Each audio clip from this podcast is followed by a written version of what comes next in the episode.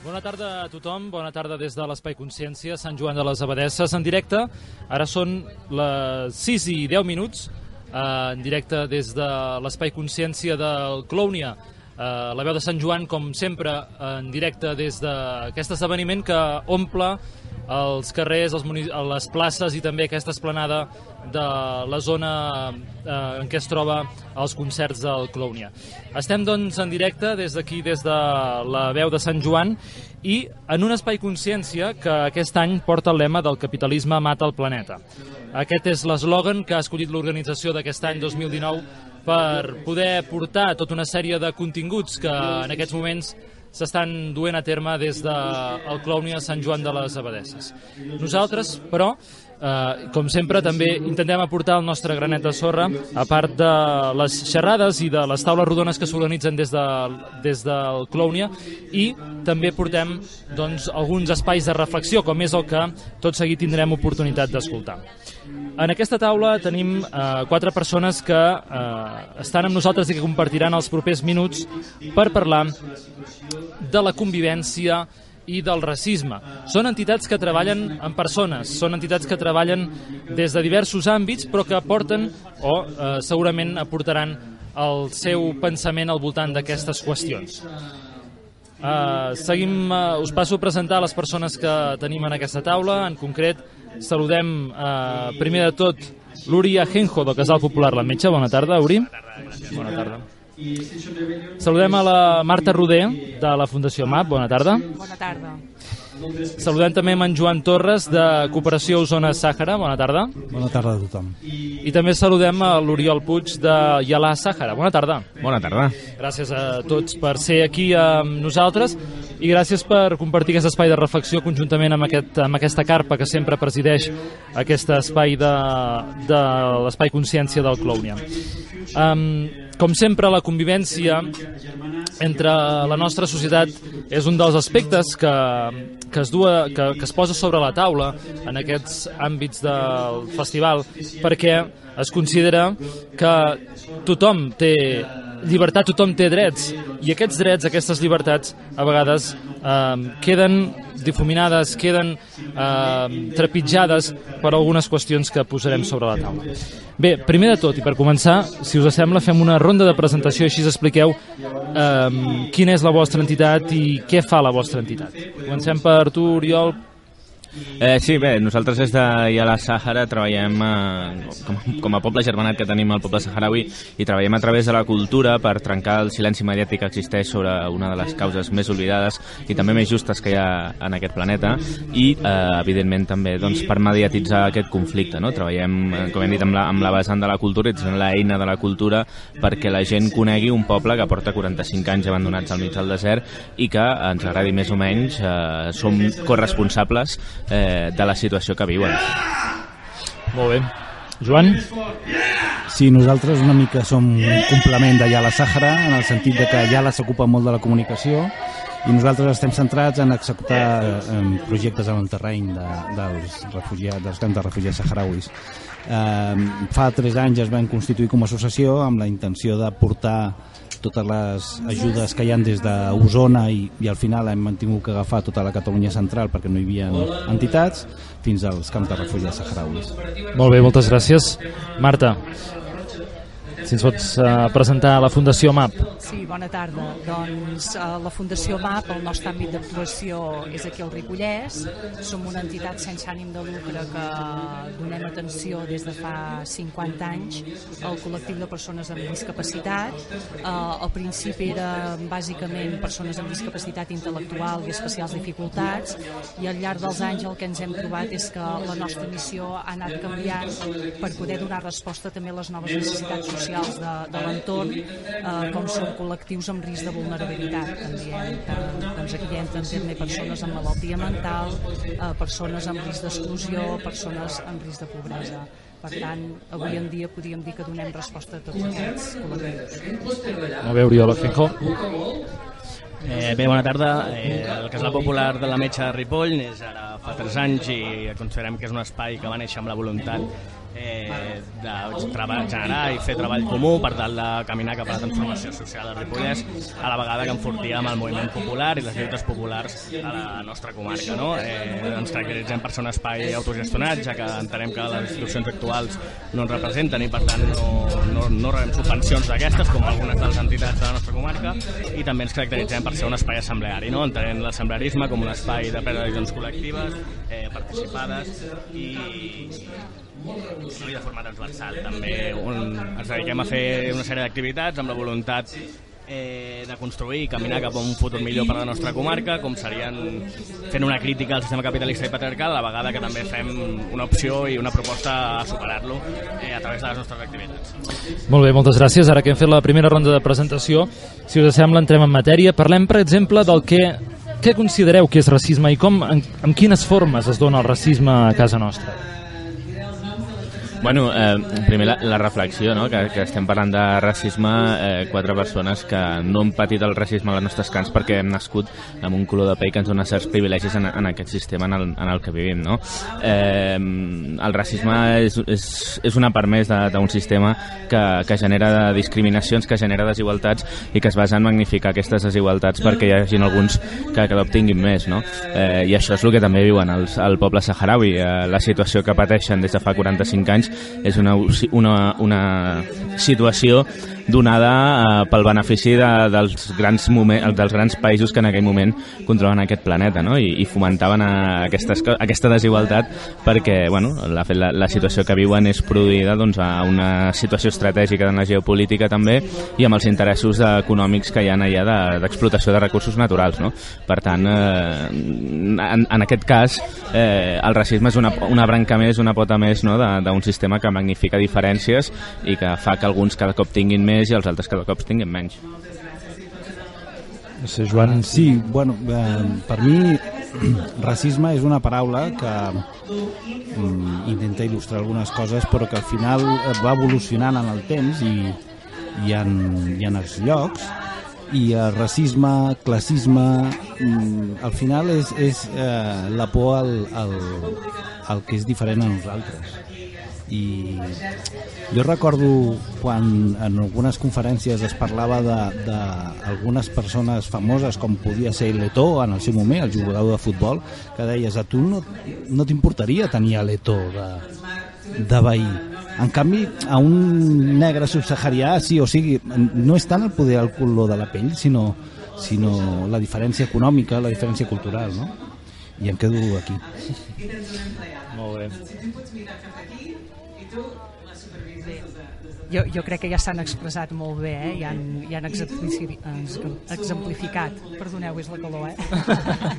Quina calor. Molt, molt bé, no, sí. El, el fred que estem passant, fem una cara fred No, doncs malauradament el racisme és una paraula que ha tornat molt en força aquests últims anys.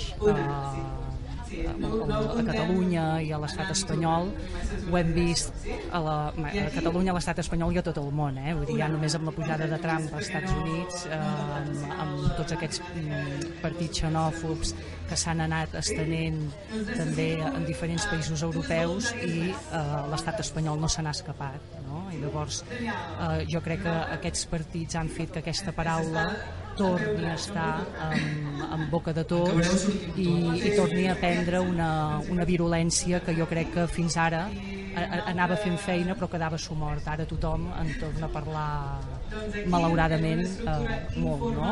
Eh, bé, jo crec que ara també és, és l'oportunitat, és, és a dir, quan passen aquests, aquestes coses, no, aquests xocs, és l'oportunitat de tornar a construir i de tornar a replantejar-nos moltes coses. Eh, una de les quals és eh, com convivim no, tots plegats. Nosaltres, malauradament, a Ripoll, l'any passat també en vam parlar, eh, vam quedar, bueno, vam, vam, vam tenir un fet fa un parell d'estius doncs, molt destacat Estats, que va ser doncs, ser el bressol de, de la cèl·lula jihadista doncs, que va cometre els atentats a la Rambla de Barcelona i això a nosaltres també va ser aquest xoc que ens va fer doncs, posar paraules com racisme sobre la taula i a partir d'aquí construir, segurament la metge també està molt posat doncs, en tot aquest procés, tot, tot, un, eh, tot un model de, de convivència, no? de dir, bé, realment el que hem fet fins ara hem vist que no funcionava, no? I per tant, comencem de zero, tornem a posar totes aquestes paraules, tots aquests conceptes damunt la taula, anem a veure com ens relacionem els uns als altres i anem a construir un nou marc de convivència, on la paraula inclusió és la que, és la que treballem més. Clar, nosaltres des del MAP treballem l'inclusió en un sentit però que de fet és aquest tot el sentit que, que li volem donar no? també quan parlem de racisme que hem d'incloure les persones eh, nouvingudes o de quina manera ho hem de fer per conviure també en, en realitat és una inclusió cap a tot tipus de diferència uh -huh. també siguin les capacitats i una altra? Bé, em sembla que ha estat una mica dit, però potser em centraré jo en la part més de racisme institucional, no? que creiem que potser no ha sortit i que també és interessant assenyalar en un moment en què el conflicte a les fronteres està en boca de molta gent, també a, nostra i també en microsituacions, perquè, perquè ha apuntat eh, la meva companya, llavors em centro una mica en això. Eh, com deia, crec que també eh, hi ha més fronteres que no són geogràfiques que també hem de tenir en compte, no? com poden ser eh, els TIEs, en què dia darrere dia es vulneren drets de les persones migrades, però també eh, tot el que són els proderais, el, tot el tema de, bueno, de protocols que s'apliquen a menors estrangers pel sol fet de ser estrangers, no? i creiem que aquestes fronteres també no són geogràfiques però també s'han d'assenyalar i també s'han de posar sobre la taula. No? Eh, de quina manera està actuant la institució i de quina manera fa política eh, la institució. No? A vegades eh, hi ha formes de racisme que nosaltres veiem perquè són visibles als nostres ulls però d'altres que no veiem o a vegades perquè simplement no es denuncien o simplement perquè hem assumit i les hem normalitzat com a tal. No? Al final no hem d'oblidar que hem crescut on hem crescut i no en vivim i que els països catalans al final són sud geopolític però també formen part de l'Europa capital i de l'Europa de les fronteres que al final és el que hem d'enderrocar i tirar endavant. Joan? Uh, sí, quan m'heu convidat a aquesta xerrada havia paraules que, que intentàvem presentar i sobre les que volia reflexionar. Una era racisme, que és molt negativa, però hi havia una que sí se m'ha quedat i que l'he agafat així al vol, que és convivència. I jo voldria parlar de convivència més que de racisme, si m'ho permeteu. I tant, i tant, és un dels temes que tenim sobre la taula. Doncs eh, convivència. Um, jo fa uns quants anys que estic treballant amb cooperació Osona-Sàhara, amb els camps de refugiats saharauis, i hi ha diverses coses que em van enamorar d'aquesta causa eh, algunes no les diré perquè no tenim temps, però parlaré de convivència. Quan fa eh, 30 i pico anys es va muntar, es va crear la República Saharaui Democràtica, eh, la RAS, eh, era un moment eh, molt, amb moltes tensions internacionals, hi havia la, la, la Guerra Freda estava en, en, en un moment més, més complicat i els saharauis van decidir alinear-se amb, amb, amb el bloc més, més de l'esquerra i van muntar una república eh, socialista. A partir d'aquí, els saharauis eh, han mantingut unes, unes línies de convivència molt eh, basades en la cooperació en les quals els que arribem als camps de refugiats ens quedem absolutament fascinats almenys del meu cas. I, i jo volia incidir en això, en, en el fet de dir eh, doneu-li una ullada a com es viu als camps de refugiats saharauis, a com es vivia sobretot, ara s'està perdent una miqueta per les noves tecnologies i una sèrie de coses, però encara es manté l'extraordinària convivència solidària que hi ha en, en la població saharaui. Oriol Puig? Sí, jo també soc molt partidari de, de parlar de, de convivència, però també d'assenyalar el racisme. Eh, de fet, aquí, a, uns quilòmetres d'aquí a Ripoll, tenim en aquestes eleccions municipals ha anat una regidora eh, d'un partit feixista i racista i això s'ha s'ha d'explicitar i s'ha de recordar a cada, a cada moment que hi hagi un micròfon. Per tant, crec que queda, que queda dit. I després també sobre el tema de, de la convivència no? I, i compaginant l'explicació que ha fet el company de, de la COS sobre el poble saharaui. No? Sempre te n'adones quan, quan vas a, a llocs com els campaments al Sàhara, no? que, que a vegades, eh, de fet, la, la convivència és més fàcil, és a dir, eh, i treballa més aquells pobles que han de renunciar a menys coses, no? I abans hem parlat de privilegis, quan parlàvem de racisme, i, i crec que això també és una de les coses no? de, que, que s'han de posar sobre la taula. Vull dir, nosaltres aquí, per estar en aquests moments aquí, gaudir d'aquest meravellós espai, és perquè també tenim uns privilegis no? i que, que en altres llocs no, no tenen aquests privilegis. I, I curiosament, aquells altres llocs són on la convivència és més alta i on el racisme és més baix. Per què? Doncs perquè la gent a vegades ens costa renunciar a privilegis, no? I, i qui més qui menys, i jo crec que gairebé totes les persones que passen avui per aquí eh, en algun moment han, han, han, han, han tret profit no? d'aquest privilegi que, que és haver nascut eh, amb un color de pell diferent, haver triat una opció sexual diferent, no? i crec que, crec, crec que és important, no? I, i a vegades va molt lligat, va molt lligat el que tens i el que tens la capacitat de renunciar en, en la societat que vius eh, perquè hi hagi millor o pitjor convivència. Seguim endavant amb, el, amb aquest debat, no sé si Marta vols dir una cosa. Eh, precisament amb un, amb un dels termes que has, que has utilitzat, Marta, el d'inclusió. No? Estem parlant sobre el fet de la convivència i ens posem en la disjuntiva de, evidentment, aquesta convivència, com s'ha de dur a terme i com, eh, quins passos ha de tenir, diguéssim, no? ja sigui des de les xarxes veïnals, des de les xarxes institucionals, fins ara hi havia un concepte d'integració que segurament ha quedat obsolet, ja no, ja no es parla d'integració, sinó que s'hauria de parlar d'inclusió, no? i m'agradaria que reflexionéssim sobre aquesta qüestió. No sé, per exemple, Marta, que vosaltres treballeu amb, amb persones amb diversitat funcional, que, com és aquest treball d'inclusió que s'hauria de fer o que esteu fent des de, des de la vostra entitat? Doncs mira, curiosament, és, és un treball que ens ha anat vinguent i, i hem hagut d'anar reflexionant també al llarg d'aquests 50 anys, no? perquè 50 anys enrere ens trobàvem que era un col·lectiu amagat, o sigui, era un col·lectiu que la gent amagava, era, era pecat tenir una persona amb, amb, amb discapacitat o amb diversitat, eh, diversitat funcional. Eh, llavors, eh, per muntar aquests serveis que van començar, per començar a donar atenció, per començar a cridar a l'administració de dir, ei, eh, posem-nos també doncs, amb aquest col·lectiu perquè tenen drets i tenen drets eh, igual que les altres persones. Llavors no es parlava de drets, eh? llavors es parlava d'atenció, de, de, de, de que tinguessin una mínima atenció. Eh, S'havia d'anar casa per casa i picar les portes i dir no, no, és que sabem que en tens un aquí amagat. En moltes masies d'aquí al Ripollès passava, no? Llavors, clar, passar d'aquí eh, al terme actual d'inclusió eh, a realment a procurar que aquestes persones tinguin una vida plena eh, no ha set una, una tasca d'un dia per l'altre, sinó que s'ha anat fent, no?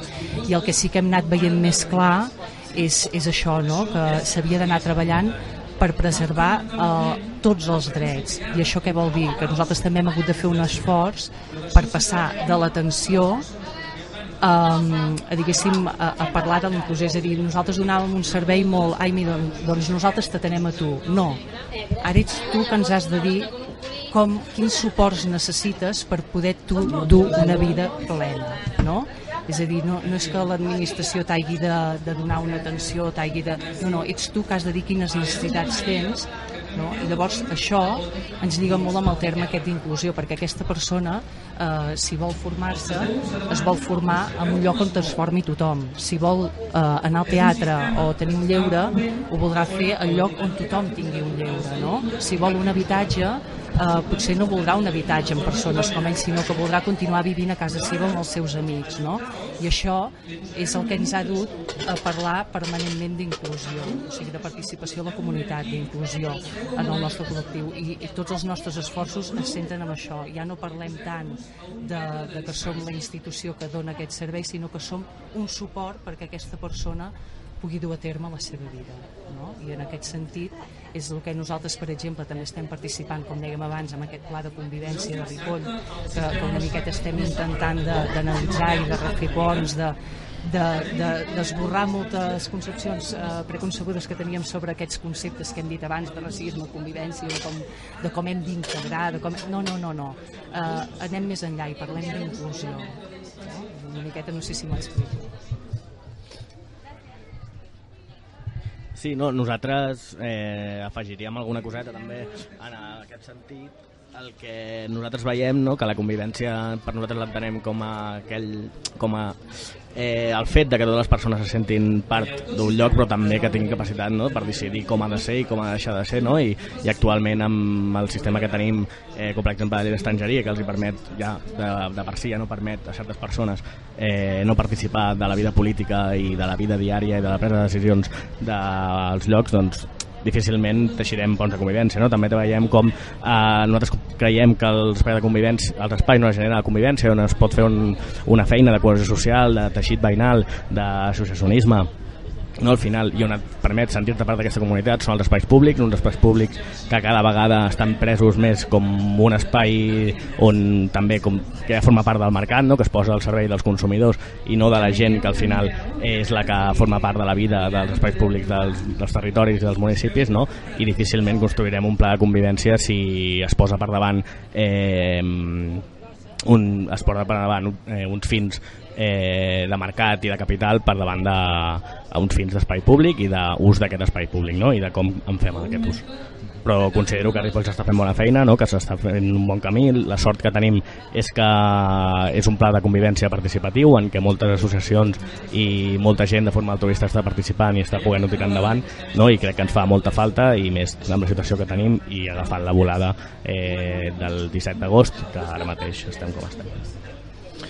No sé si, Joan, Oriol, vosaltres que treballeu amb aquestes entitats, eh, que viatgeu al Sàhara, que, que, que, que acolliu gent aquí en territori català, una mica com, com veieu aquest, eh, no, aquesta, aquest terme de, de, de, com, de com acollim, de com ha de ser aquesta inclusió?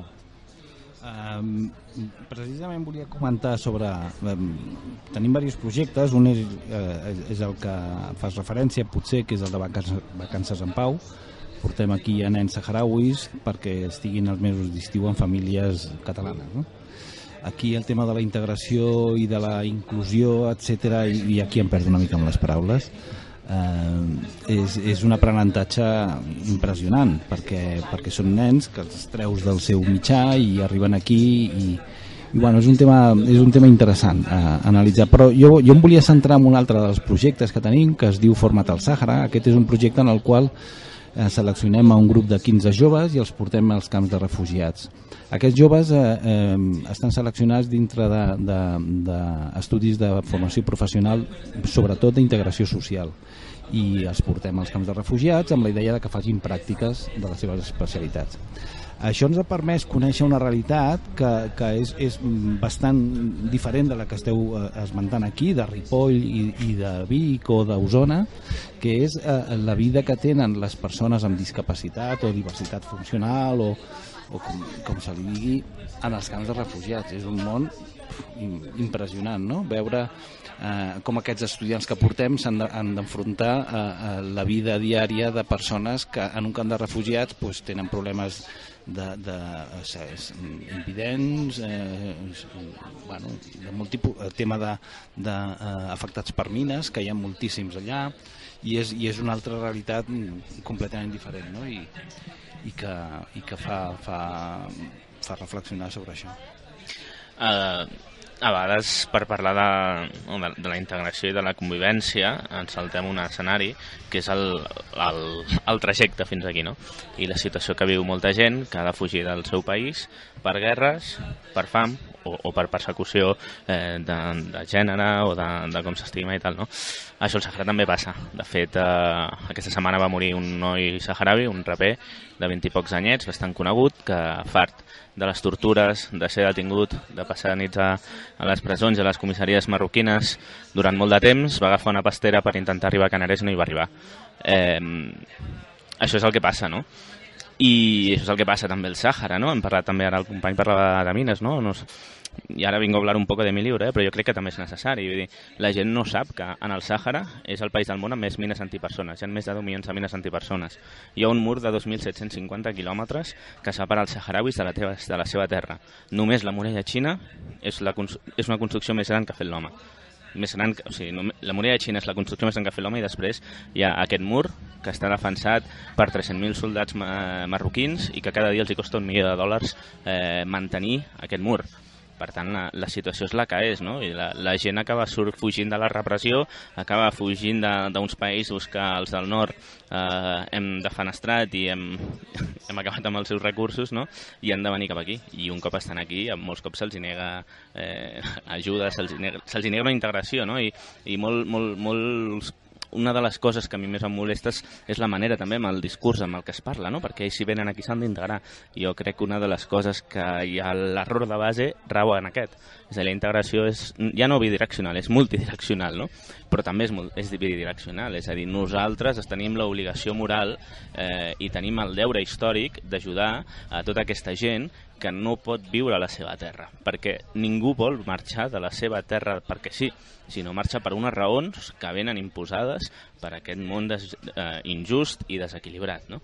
Per tant, és important també quan es parla d'aquesta integració recordar el, que molta gent surt i també recordar la gent que no arriba no? I, i des d'aquí també doncs, tant l'Open Arms no? com, com el vaixell eh, com es diu italià que estan desobeint eh, lleis injustes eh, per anar a salvar gent que mori ofegada i que s'enfrontaran a 20 anys de presó a penes de fins a 20 anys de presó per anar a salvar vides per tant, és una situació que també, que també s'ha d'enfocar, no? I jo crec que aquesta, a dintre d'una... que és una de les coses que també s'han de plantejar quan parles de, de la convivència i del racisme, no? Perquè ja el racisme preteix això, no? De, de aquesta és la meva terra i aquí només entra on qui jo vulgui. Doncs no, la terra no és teva, senyor. Deixem-me preguntar, Oriol i Joan, només una cosa petita. Relacionat amb el, amb el motiu de les, amb un del motiu de les migracions que són aquestes guerres i aquests conflictes Eh, quina responsabilitat tenim com a ciutadania respecte a la venda d'armes i la producció d'armes que tenim als països del nord? De fet, hi ha un estudi de la Fundació de l'AS, troben estudis recurrents i que són molt interessants a la Fundació Justícia i Pau, presidida pel gran Arcadi Oliveres, eh, on es marca no? com el Marroc és un dels llocs eh, on l'estat espanyol i empreses espanyoles els hi venen armes, armes que serveixen per reprimir el poble saharaui, eh, per assassinar, per torturar i per, per coaccionar un poble que la tortura, la desaparició i les violacions són el pa de cada dia, no? ja tenen prou de per si a viure separats i sense la majoria de drets eh, civils, no? doncs també, també ho fan amb, amb armes espanyoles, no? com al Congo també, com a Israel, com a Palestina, que també hi ha armes produïdes aquí, no? I, i aquest canvi per canviar, aquesta, per canviar aquest fet també cal una acció des d'aquí. No? Nosaltres volem fer incidència al nostre país perquè creiem que si canviem consciències aquí és més fàcil que els nostres governs, si han de fer eh, aquestes, em l'expressió, aquestes merdes que fan, eh, els hi costi i que, i, que, i que tinguin un preu polític per fer aquestes coses, no? I entre moltes altres coses. Jo també vull recordar que l'estat espanyol eh, estructura que, que per desgràcia, o això pensem alguns, encara en formem part, no? eh, és el responsable de la situació que viu el poble saharaui, perquè el Sahara era una colònia espanyola que, el, que l'estat espanyol primer va intentar vendre i després va eh, oblidar en una ocupació militar eh, del govern marroquí on van morir milers i milers de, de saharauis i milers i milers van, van anar a l'exili. Per tant, la responsabilitat directa de, de l'estat espanyol i de moltes empreses catalanes que treballen en territori marroquí i contribueixen en un sistema que, insisteixo, el problema no és eh, el poble marroquí, sinó és una monarquia dictatorial absolutista eh, d'una de les fortunes més grans del món, en un dels països més pobres del món, que fa el que he dit abans, no? aquests desequilibris eh, injustos i que no s'entenen, no? i moltes empreses catalanes i moltes empreses espanyoles i la monarquia espanyola i els governs espanyols i els partits i els grans partits polítics espanyols tenen uns interessos directes no? amb, amb, amb el rei. Fa quatre dies li van regalar una casa al rei emèrito, al, al Mohamed VI, el, el rei del Marroc. Per tant, el nexe i la responsabilitat és directa i el poble és qui ha de revertir tot això, perquè el poble saharaui està en el temps de descompte, eh, ja no està en els últims minuts, està en el temps de descompte, i si no hi ha una pressió internacional i no hi ha una ajuda internacional per intentar revertir aquesta situació injusta, eh, el poble saharaui emprendrà unes mesures i una via que no és la que desitgem i no és la que volem, però que tenen tot el dret del món de decidir-la perquè només ells decideixen quina és la manera en la que volen viure i quina és la manera en què es volen alliberar. Joan? Uh, totalment d'acord, o sigui, ho, ha, ho ha explicat impecablement, però jo afegiria només una coseta que, que l'ha apuntat de refilón i, i, i vull incidir és, quan preguntaves quina és la responsabilitat que tenim nosaltres amb el tema de, de les empreses armamentístiques, amb el tema dels governs, la paraula espanyol surt, surt massa sovint per mi, eh, contínuament i, i, i eh, penso que un de, una de les coses que hauríem de fer és mirar-nos més a nosaltres mateixos, és a dir, el govern català també té una responsabilitat molt gran i té eh, una, una gran eh, incidència el lobby marroquí dintre del govern català i sobretot, sobretot el nostre vot que, que l'Oriol ho ha apuntat no? la, la, el cost polític que haurien de pagar el nostre vot eh, va a uns partits que tenen un, un, una, una línia d'actuació i un programa electoral que mm, hauríem de veure quantes vegades nosaltres analitzem aquest programa electoral per dir eh, què parlen aquí dels refugiats, què parlen aquí dels saharauis o dels saharauis o qui sigui. I moltes vegades eh, primen altres, altres aspectes a l'hora d'escollir el partit que nosaltres mm, votem. Ara mm, falten 6 minuts i seran 3 quarts de 7 en directe des de l'Espai Consciència i estem arribant ja al final d'aquesta d'aquesta conversa que estem mantenint però eh, abans d'arribar al final eh, podríem fer una ronda, parlar una mica de com veiem el futur, de què, què pensem que podem aportar per aquesta convivència, eh, quins són els motius pels quals la gent que ens estigui veient, la gent que ens estigui escoltant, ha de reflexionar, de posar un peu al carrer i pensar que potser pot contribuir en aquesta inclusió. Um, doncs això, si us sembla fem una passada i així parlem una mica de com veieu les perspectives de futur i quines són eh, una mica les vostres perspectives de cara a aquests anys que vindran. L'altre dia veient un programa de TV3 que parlaven sobre la mort, em va fer, hi havia una filòsofa que em va fer una reflexió que a mi em va agradar molt, eh, i em va dir que teníem el deure de morir per deixar espais als altres, no? I a mi això em va fer reflexionar que nosaltres, eh, quan vivim, quan existim, ocupem un espai, no? Eh, jo crec que, la, que el primer canvi que hem de fer és amb nosaltres mateixes, no? I de, i de reflexionar quin espai estem fent servir, com l'estem fent servir i què fem nosaltres per morir aquest espai, no? I què fem no només per al nostre, sinó per al del voltant. I ser conscients que, malgrat tu puguis viure sol o puguis tenir o no amics o puguis tenir o no família, tota la teva acció repercuteix en altra gent. No? Per tant, jo crec que la primera és una reflexió interna, una reflexió personal de què és el que volem aportar i com volem fer aquest canvi i com volem aquest futur. No? I, i, i el segon jo crec que és fer-lo col·lectivament i participant. No? I en aquest cas, doncs, eh, és evident no? que, que és difícil que una persona que ja decideix fer un canvi a Catalunya doncs, tingui, en el cas que em pertoca a mi parlar, no? que és el tema del Sàhara, una incidència directa. Sí que és cert que la participació de molta gent en, a, en aquesta causa eh, pot fer el que he dit abans. No? I com he dit, el Sàhara està en el temps de descompte, el Sàhara eh, en pocs anys el conflicte s'ha d'acabar, i no perquè ho diguem nosaltres, sinó perquè es veu que ho ha dit el senyor Donald Trump i té pressa per acabar aquesta, aquesta, aquest conflicte polític. No? Per tant, eh, el canvi comença així. Jo al futur el, el, sempre sóc positiu de mena, i crec que si estem on ens pertoca i la societat catalana eh, i, el, i, el, i el Parlament de Catalunya també, evidentment, i els nostres representants polítics que a l'última legislatura ja van aprovar una, una resolució en favor de l'autodeterminació del Sàhara i respecte als drets humans i que ara a l'intergrup del Parlament de Catalunya, en el qual doncs, també formem per una altra entitat no? que estem dintre d'allà, la que és Sahara d'en Peus, eh, estem treballant també doncs, per, fer aquesta pressió no? i per al reconeixement explícit del dret a autodeterminació, del respecte als drets humans i dels drets de, de, de les persones saharauis que venen aquí. No? I, I hi ha una cosa que m'enrotllo molt, eh? perdoneu, ja acabo, però avui haurien d'estar aquí un grup de nens saharauis i que no ha pogut sortir dels campaments de refugiats per problemes burocràtics amb Argèlia. Un nou canvi, un canvi de govern a Argèlia que està donant molts problemes tant als, a les entitats que anem allà a cobrar els campaments de refugiats com perquè surtin els nens, no? I demà s'hauria de fer un taller amb desenes de nens que el més probable és que no puguin arribar, no? Eh, I també volia fer, doncs això, aprofitar aquest micròfon per, per denunciar no? de, de, aquest racisme institucional que abans parlava el company. I res més, jo crec que el canvi i la reflexió i el futur dependrà del que decidim cada una de nosaltres eh, sobre com volem contribuir en, en un món millor i, i és el que hem de fer. Sí, Marta? Breument, perquè aviat començarà la, una altra... Sí, l'altra activitat aquí. Bé, jo només per donar una perspectiva una mica diferent, jo crec que el gran canvi, la gran oportunitat que tenim és, és amb l'educació, és amb l'ensenyament. No? Jo crec que aquí encara estem funcionant amb estructures de no sé quin segle, ja, i, i crec que aquí és on hem de donar la, la volta de clau. Uh, crec que tenim una oportunitat com a país nou que es vol construir per començar a sacsejar els ciments d'aquestes estructures educatives que tenim una miqueta imposades moltes vegades i, i fer foc nou perquè si, si una cosa dona esperança són aquests nens que puguin pujar amb aquest pensament que nosaltres ara de vegades ens costa, o sigui, per tenir aquest pensament sí. hem, de, hem de borrar prepensaments que tenim, doncs que ells no els hagin d'esborrar, que, que, que ja els hi puguem introduir tots aquests conceptes doncs, d'inclusió, de treballar al costat de l'altre, de borrar fronteres, d'estimar lliurement eh, com vulguis i a qui vulguis, etc etc etc. Gràcies.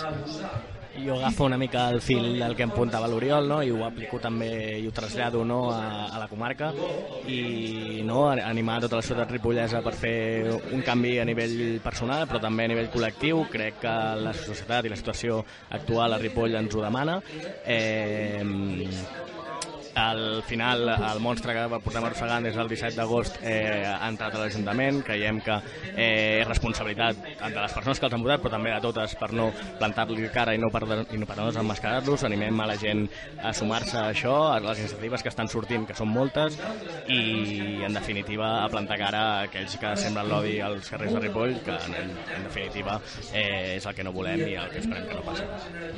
Jo només apuntaré que aquest canvi col·lectiu que, que és tan necessari que estaven comentant, jo penso que eh, hauria de, de passar per un, per un viatge personal, un viatge en el temps. Mm -hmm. Haurien de tornar d'alguna manera a la infància i, i treure'ns de sobre la por que ara tenim, que abans no la teníem, la por a, al que és diferent, i recuperar la innocència que jo penso que el que ens falta és la innocència de no veure que els altres ni són negres, ni són moros, ni són, sinó que són nens, són persones i això que ho teníem a la infància penso que, que seria un bon principi. Molt bé, doncs ara que són ja tres quarts de set, eh, acabem aquesta taula rodona. Moltíssimes gràcies a tots per la vostra presència. Molta sort en els vostres projectes i esperem que també vagi molt bé la vostra parada en aquest espai de consciència del Clownia i que tingueu molts encerts i que l'any que ve en puguem tornar a parlar. Moltes gràcies. Gràcies. Gràcies. pujant a dintre de la regeneració.